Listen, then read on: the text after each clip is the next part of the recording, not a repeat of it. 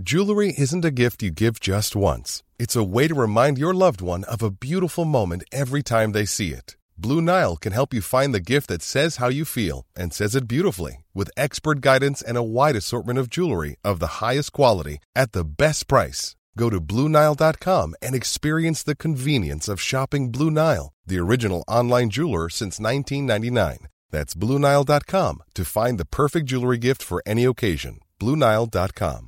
This is Paige, the co-host of Giggly Squad, and I want to tell you about a company that I've been loving, Olive and June. Olive and June gives you everything that you need for a salon quality manicure in one box. And if you break it down, it really comes out to $2 a manicure, which is absolutely insane. It's also so easy to get salon worthy nails at home with Olive and June. The difference between how your nails used to look when you did them yourself and now with the Manny system is a complete game changer. The best thing about Olive and June too is it's a quick dry. Dries in about one minute, lasts for five days, and full coverage in up to one to two coats. Visit oliveandjune.com slash perfectmanny20 for 20% off your first system. That's oliveandjune.com slash perfectmanny20 for 20% off your first system system.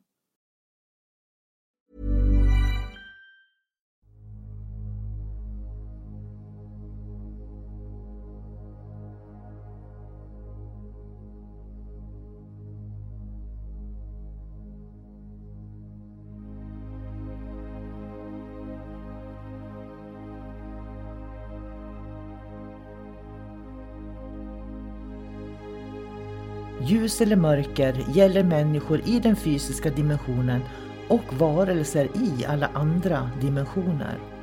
För att kunna se vad som är vad behöver vi människor vara öppna för både ljus och mörker. Det kräver mod och ett öppet sinne.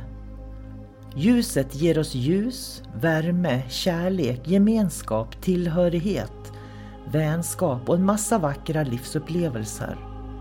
När vi talar om mörkret i podden så är det när vi människor upplever förvirring, kaos, hot, angrepp, manipulation, splittring som bidrar till att man känner sig ensam, isolerad och rädd. Att vara i sin egen kraft är att våga se verkligheten för vad den är och där göra medvetna val. Du kan bara kontrollera din värld, dina känslor, din livsupplevelse och det är att vara i sin egen kraft. Varmt välkommen till podden Kosmiska samtal.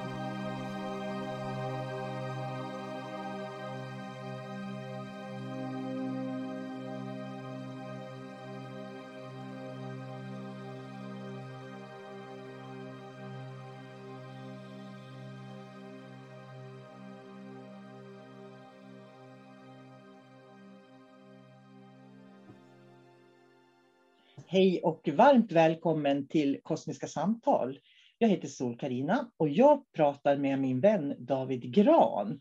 Där vi pratar om olika saker som vi tänker och funderar på i livet. Så jag säger hej David, välkommen. Hej hej och tackar tackar. Och det är fantastiskt tycker jag fortfarande att vi har gjort så många avsnitt. Jag varit verkligen förvånad när jag insåg hur många avsnitt vi har gjort. Över 70 stycken. Ja, tiden går väl fort när man har roligt. Ja, det är väl så. Och sen finns vi faktiskt på Youtube också, så vill man lyssna på oss så kan man lyssna på oss där. Så vi finns även där nu. Mm. Alla våra poddavsnitt går direkt till vår Youtube-kanal som heter Kosmiska samtal också. Då.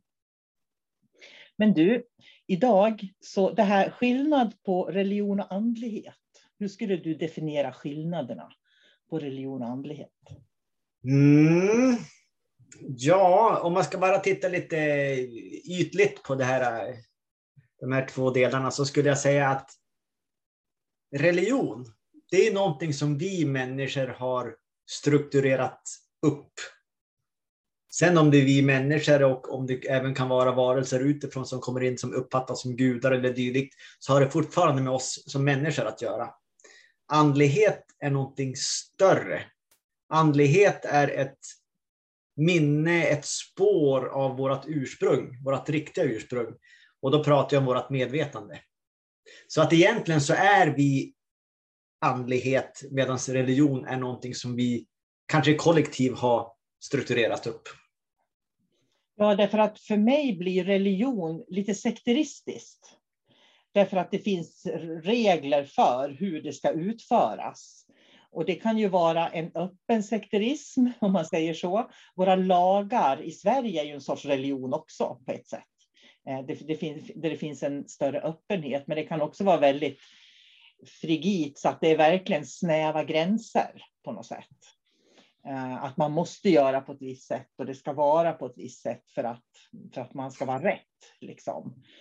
Jag, jag har tittat på den här serien Knutby som går på Simor och det, det är verkligen intressant att se hur sekter eller religion kan eh, på något vis infiltrera människor på något sätt. För jag upplever ju att andlighet för mig, jag tycker om att kalla mig för andlig lärare till exempel, därför att jag tycker inte att jag kan tala om för andra vad som är sant och falskt och hur de ska leva, utan det måste man hitta själv. Så det jag kan ge, det är att jag kan ge vissa tekniker, men hur de sen använder teknikerna, det vet jag ju egentligen inte. Så för mig blir andlighet hela det här förhållningssättet som vi har i livet. Och min andlighet, den är min. Den kan jag aldrig dela med någon egentligen. Och det är där jag tror på det som du säger, det här med att det är medvetandet. Det finns en nyans av oss som har kontakt med ett väldigt eh, fint ursprung som vi alla hör till på något sätt. Ja, jag menar, där vi kommer ifrån enligt mig, där finns det ju liksom eh, inget rätt, det finns inget fel, det finns inga identiteter, det bara är. Det, det är bara en, ett tillstånd skulle man kunna säga. Mm. Och sen när vi kommer ner till den här fysiska kroppen, den här fysiska världen, då ska vi börja strukturera fysiska saker också. Och vi ska göra allting, man ska förstå allting. Man ska sätta in allting i små fack överallt så att vi ska förstå. Men i vårt ursprung så finns ingenting av det där. Och eh, det är väl det som sipprar igenom som jag kallar andlighet. Och det är väl det som många strävar efter också att komma dit, komma till nirvana eller komma till paradiset eller någonting, det är då man lämnar religionen. Så för många är religionen bara ett steg för att ta sig till medvetandet, eller ta sig till andligheten. Ja, för det finns ju många människor som upplever den här andligheten som jag pratar om och kanske som du pratar om genom religion också. Så att ibland så, det finns ju faktiskt de som kan uppleva en frihet i religionen. Men jag tror att det beror lite grann på vad det är för typ av religion då och hur mycket förhållningsregler religionen innehåller, så att säga. Sen finns det ju religioner också. Den bästa av religioner ska egentligen eh, lära sig att man ska öppna upp sig själv.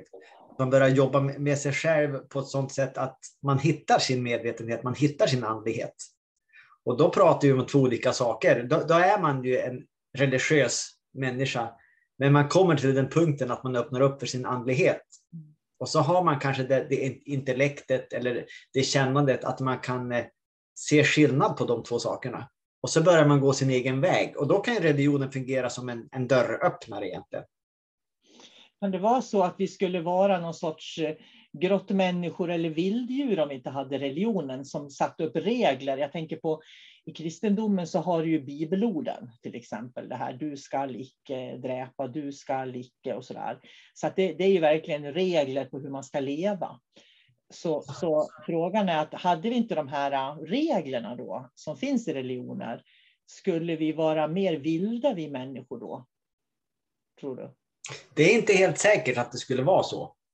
På något sätt så det, det som, äh, den medvetenhet som kommer ner till oss den genomsyrar oss och det är ju känslan av en gemenskap, att alla är, alla är varandra egentligen. Alla är ett. Och om den känslan skulle spridas bland grottmänniskorna till exempel och utvecklas på sikt, så då är det mycket möjligt att, att vi skulle ha en, en, eh, en värld som var mer upplyst än vad den är nu. För religion kan ju också kuva vissa människor. Du vet, man går in i, i ett, man har en, en helig skrift till exempel. Här finns allting som du behöver få veta. Eh, det här är bara det du ska läsa under din livstid. Hur ska man då kunna utvecklas som människa? Eh, och om man ska hårdra det så har man ju i sådana fall inte utvecklats på 2000 år. Det är exakt samma sak. Så att man måste hela tiden gå utanför de här ramarna och utvecklas. Och etiken har man ju med sig per automatik om man är uppkopplad på det andliga. För då vill man ju inte skada andra, för då skadar man också sig själv. Det är bara en, tan en tanke som jag har. Jo, men jag, jag, tror att Eh, grunderna i religionerna är väldigt god eh, någonstans. Men sen finns det då de här eh, nyanserna som kommer in som kanske liksom blir eh, för begränsande för, mm, för människor på något sätt, tror jag. För jag tänker så här att jag har ju praktiserat reiki över 30 år och i reiki har vi fem principer då som man kan använda sig av. Och för mig har det varit mina budord på något vis. Eh, det finns, ju ingen, det finns ingenting som kan säga att det är rätt eller fel i reikin. Att så här ska du göra för det är rätt och så där ska du göra för att det är fel. För det är ingen som vet hur, var det kommer ifrån eller hur det grundades i grund och botten, om man säger så. Men just de här fem principerna, det är som fem ledord på något vis. Så att när jag använder dem som, som en del av mina dagliga glasögon, om man säger så, så gör det också att jag eh, kan hantera livet annorlunda på väldigt många olika sätt. Och det gör också att det är lättare för mig att förstå saker eh, med de här budorden. Och jag tänker på, för många år sedan så pratade vi om den här eh, och jag kommer inte ihåg vad han heter, han hade fyra, kommer du ihåg det David? Fyra eh, Riguel Ruiz, vad hette han? Ja, eh, Don Miguel Ruiz. Ja, han hade också fyra olika såna här, ja, budord eller vad man skulle säga, kan säga. Och ett av dem var ju det här att ta ingenting personligt, till exempel. Så, så om man ser på budord så kan de ju hjälpa oss också på något vis. Men jag tror inte längre vi behöver de här budorden. Du ska icke stjäla, du ska icke dräpa, eh, du ska inte se åt någon annans hustru eller vad det nu kan vara. Det känns begagnat och ålderdomligt. Eh, ja, det är, det är bara liksom begränsningar. Det är inget som är utvecklande. Om man tar Don Miguel Ruiz som hade Du ska vara sann i ditt tal, ta ingenting personligt, och så var det två stycken till. Det är sådana som du kan vända och vrida på och jobba med dig själv en hel livstid och hitta olika nyanser. Och, jo, du ska alltid göra ditt bästa var också ett budord. Att oavsett eh, hur du lyckas eller misslyckas med någonting, har du gjort ditt bästa så kan du aldrig klandra dig själv, för du har alltid gjort ditt bästa. Och ditt bästa kommer alltid att förändras varje dag beroende på om du är frisk, om du är sjuk och allting där mittemellan. Så att huvudsaken är att man gör sitt bästa. Eh, nu tappar jag tråden lite grann, men det är ju sådana budord kan man ju använda hela livet och man kan utvecklas hela livet. Ta ett budord som du ska lika kärla. Har man lärt sig det en gång, då är det klart. Mm. Då utvecklas ingenting mer efter det.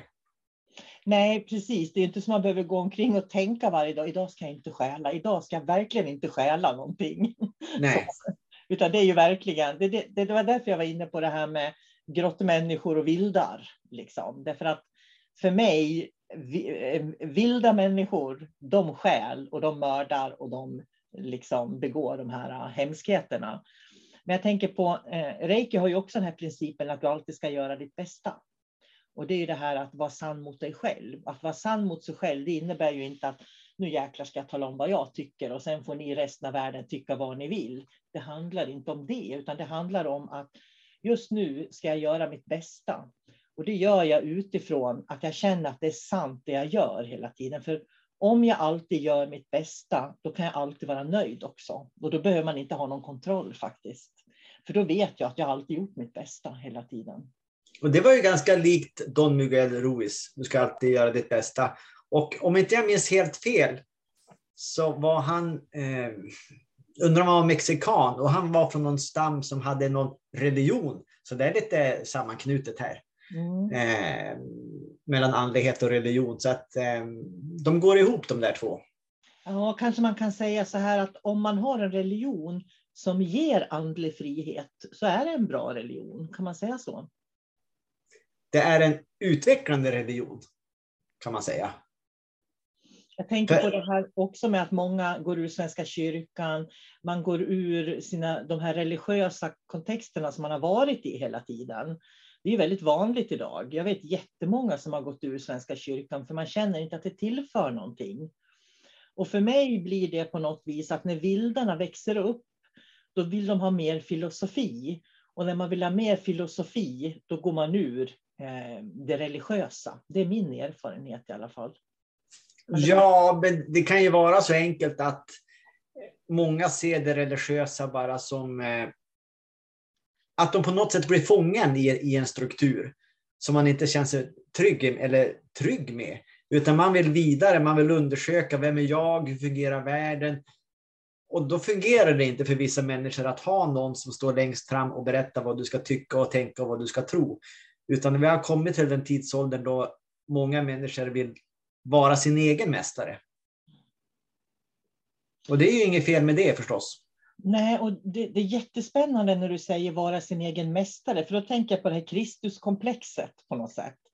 För när människor öppnar upp sig andligt, eh, verkligen liksom kliver ur de här religiösa dogmerna så, och börjar öppna upp sig andligt, då blir de på något vis eh, eh, eh andliga vildar, höll jag på att säga, men då, då blir de, eh, och det här Kristuskomplexet, de, de liksom får en kontakt, ungefär som du pratar om medvetandet, att de får kontakt med den här källan som medvetandet kommer ifrån, om man säger så, eh, eller anden. Och så plötsligt så ser de sig själv som mycket viktigare än vad de är. De förstår inte att de är en del av allting. De tror att de har ansvar för allting. Men då har de ju fått hybris. Ja, men det är väldigt vanligt. Och det tror jag det är någonting man måste passera i den här andliga utvecklingen, tror jag. Men alla får ju inte hybris som upptäcker sin andlighet heller. Nej, det, det, tror inte jag de får. Och varför vissa får det och vissa inte, det vet jag inte. Det, kan också, det skulle ju eventuellt kunna vara kopplat till om en människa har ett starkt ego och får kombinera det med ett andligt uppvaknande. Så då på något sätt är det egot som gör dem viktiga då. Men då kommer jag tillbaks till det här som vi pratade om förut, fast vi har inte pratat om det på podd, utan du och jag. Det här hur viktigt det är att ha en trygghet som du kommer ifrån. Som jag tänker på, och det har jag nämnt några gånger, det här minimalistiska podden, den allra första vi gjorde. Hur du en gång har varit ekorrhjulet, men ändå valt att kliva av det, så att säga. Och eh, gud, nu tappar jag bort vad vi pratade om. Andlighet jo, den här hybris och ego, det var det vi pratade om. Jo, jag ska se om jag kan hålla tråden. Att du hade ändå ett skyddsnät, om man säger så, med din familj eh, som fanns runt omkring dig. Och det gjorde att du också kunde slappna av i det andliga uppvaknandet. Jag tänker på mitt eget andliga uppvaknande. Jag har inte haft den tryggheten med familj. Och det var väldigt, väldigt jobbigt när jag hade mitt andliga uppvaknande på 80-talet, för jag hade inget stöd någonstans. Och det tror jag kan vara en nyckel till om man får hybris eller stort ego. För har du ingen eh, som du kan få hjälp av och luta dig mot, då måste du liksom plocka fram någonting i dig själv på något vis. Eh, jag vet inte om jag har ett stort ego eller hybris, men jag tror inte det i alla fall eh, faktiskt. Men, men det är bara en, en tanke som jag har, hur viktigt det är med att ha det här trygga nätverket runt sig när man går igenom svåra saker i livet. Det, det är klart att det är viktigt. Bara det, vetskapen om det är viktigt. Ja, och det är där jag tror att religionen fyller det, den funktionen, om man säger så. Så att religionen blir egentligen som en livboj Ja, som man har på sig. Men då är ju svårigheten, eller det som är viktigt, är det att när man har gått igenom det här svåra och så tar man sig upp på torra land igen. Då måste man också ta av sig livbojen. För annars blir man väldigt begränsad om man ska ha livboj på sig och så ska man lägga sig och sova på natten och så har man en livboj på sig och så hela dagarna. Då blir det en begränsning istället. Den har fyllt en jätteviktig uppgift. Men man kan inte ha en livboj på sig på torra land. Och jag tror att det är det som är skillnad på nyandlighet och på andlighet. För andlighet har alltid, alltid, alltid funnits hos människor. Jag, jag känner liksom att mitt liv, eh, jag lever ett andligt liv, känner jag. För det är den, själva upplevelsen av att leva. Men när man pratar om nyandlighet, det är ett nytt fenomen. Och det tror jag är det här mellanläget mellan religion och andlighet. Hänger du med? Hur jag tänker? Mm. Det blir en del i människans utveckling alltså? Ja, och det som är att om man, är, om man, är, om man inte får rätt, om man inte har rätt människor omkring så får ni tryggheten. Jag hade ju mina barn. Mina barn vart ju som en trygghet för mig för att barnen de behövde min omsorg så jag var tvungen att vara mamma. Så att det, de blev liksom min trygghet faktiskt. Men jag tänker att det finns ju människor som då kanske man hittar, vad ska vi ta som en pendel, man börjar pendla, man börjar spå i kort, man eh, går en medial utbildning och så sätter man sig på en spårlinje till exempel. Och det är för mig att man har hamnat i det här mellanläget där man håller i någonting som inte är verkligt på något sätt. Det är nyandlighet för mig eh, då. Med allting vad det kan innebära också. Alltså, för man är ju inne i en sökande process och man är inte, inte i stånd av att avgöra, är det här bra för mig? Eh, är det, är det rätt kurs jag ska gå? Utan allting är andlighet. Mm. Även om det finns de som öppet har kurser i satanism och framföra demoner. Och då kanske en del tänker, ja men det här är andlighet, det ska jag ha. Mm. Men man måste vara kräsen och liksom tänka i, i större mm. perspektiv. Vilken andlighet vill jag ha? Hur, vad, hur, i vilka sammanhang vill jag utvecklas? Ja, jag tror det är viktigt. Och då kommer man till det där med att välja lärare och förebilder. Det är viktigt. Det är jätteviktigt. Jag har haft, jag tror jag har haft fyra lärare i hela mitt liv som verkligen har varit mina förebilder på olika sätt. Jag tror att vi behöver förebilder, vi människor, på olika vis. Som någon som har gått steget före och klarat av det helt enkelt.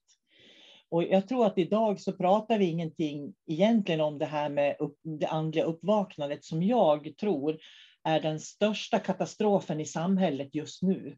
Det tror jag är det andliga uppvaknandet. För att det är det andliga uppvaknandet där vi har gått från religion till andlighet då. Och, och man befinner sig mellan två stolar på något sätt. Och det är där människor eh, som har psykisk ohälsa, som är vilsna, som känner sig högsensitiva men inte vet vilka de är, som inte kan hantera min och din energi. De finns i det spannet där på något vis, däremellan. Men har utvecklingen gått för fort då, eller är det någonting man har kunnat göra annorlunda? Ja, det är en bra fråga. För, för jag tror ju att jag klarar mig så pass bra. Det har att göra med att jag gick igenom det här på 80-talet när det inte fanns internet och, och ja, hela den här yttre världen, utan då, då satt man på en sten där man satt och funderade själv. Hur tycker jag om det här egentligen? Så, så att jag, jag tror att det var lättare för mig eh, att hitta mig själv eftersom jag var tvungen att göra det själv, så att säga, utan att ta hjälp utifrån egentligen. Så att det kan ju bli lite jobbigare just i början, men det går fortare att ta sig igenom. För att du tar ett eget ansvar då. Och så ja, gör du det som ska göras. Det var väldigt, du, som vanligt så sätter du det, ord på det jag försöker få säga en mening, David. För det är det det handlar om, tror jag. jag kan, som på Facebook, då kan man se i vissa grupper till exempel att eh, då är det någon som ställer en fråga om någonting. Sen är det 75 stycken som ger förslag på svar. Och, och bland annat så var det i en kvinna som hade bröstcancer som jag var inne i en grupp och tittade. Jag gick ur den gruppen sen för jag tyckte det var så, en sån katastrof. Och då skulle hon få göra ett val mellan att operera bort sitt bröst eller göra någon annan typ av behandling, för hon hade bröstcancer. Och så skulle, det här är bara ett exempel nu, så skulle, hade läkaren då frågat henne vilken av de här två vill du välja? Och då gick hon in i en grupp på Facebook och sa, hur ska jag välja? Hur hade ni valt? frågade hon. Och så fick hon liksom 70 svar. Så här skulle jag välja jag har valt så här därför att. Och då tänker jag, varför diskuterar man det med 70 främmande människor på Facebook istället för med sin läkare? Ja, eller sig själv framför allt. Ja. Det kanske vore en idé att hon satte sig på en sten. Och det är det här jag Tänkte. menar med att man, man har ramlat ner mellan stolarna. Man har fullständigt tappat bort sig själv och sin egen kraft och sin egen förmåga. Eh, tycker jag. Men nu eftersom vi pratar om religion så är det väl lite grann det också som är skillnaden. Eh, att, att i en religion så är man ju oftast en följare. Man följer en, eh, en skrift, man följer budord, man följer den som förkunnar ordet. Och man följer en gud oftast. Men när man är en andlig människa så då följer man på något sätt Ja, det, det, det, blir sig själv, det blir kollektivet via medvetan, medvetandet, via källan på något sätt, om man får kalla det källan. Alltså där vi alla kommer ifrån. Så då, då går man från att bli följare till att på något sätt bli en ledare i sitt liv. Men då blir ju egentligen nyandlighet en religion, för många säger ju att new age, nyandlighet är den nya tidens religion. Och då, då skulle ju det stämma på ett sätt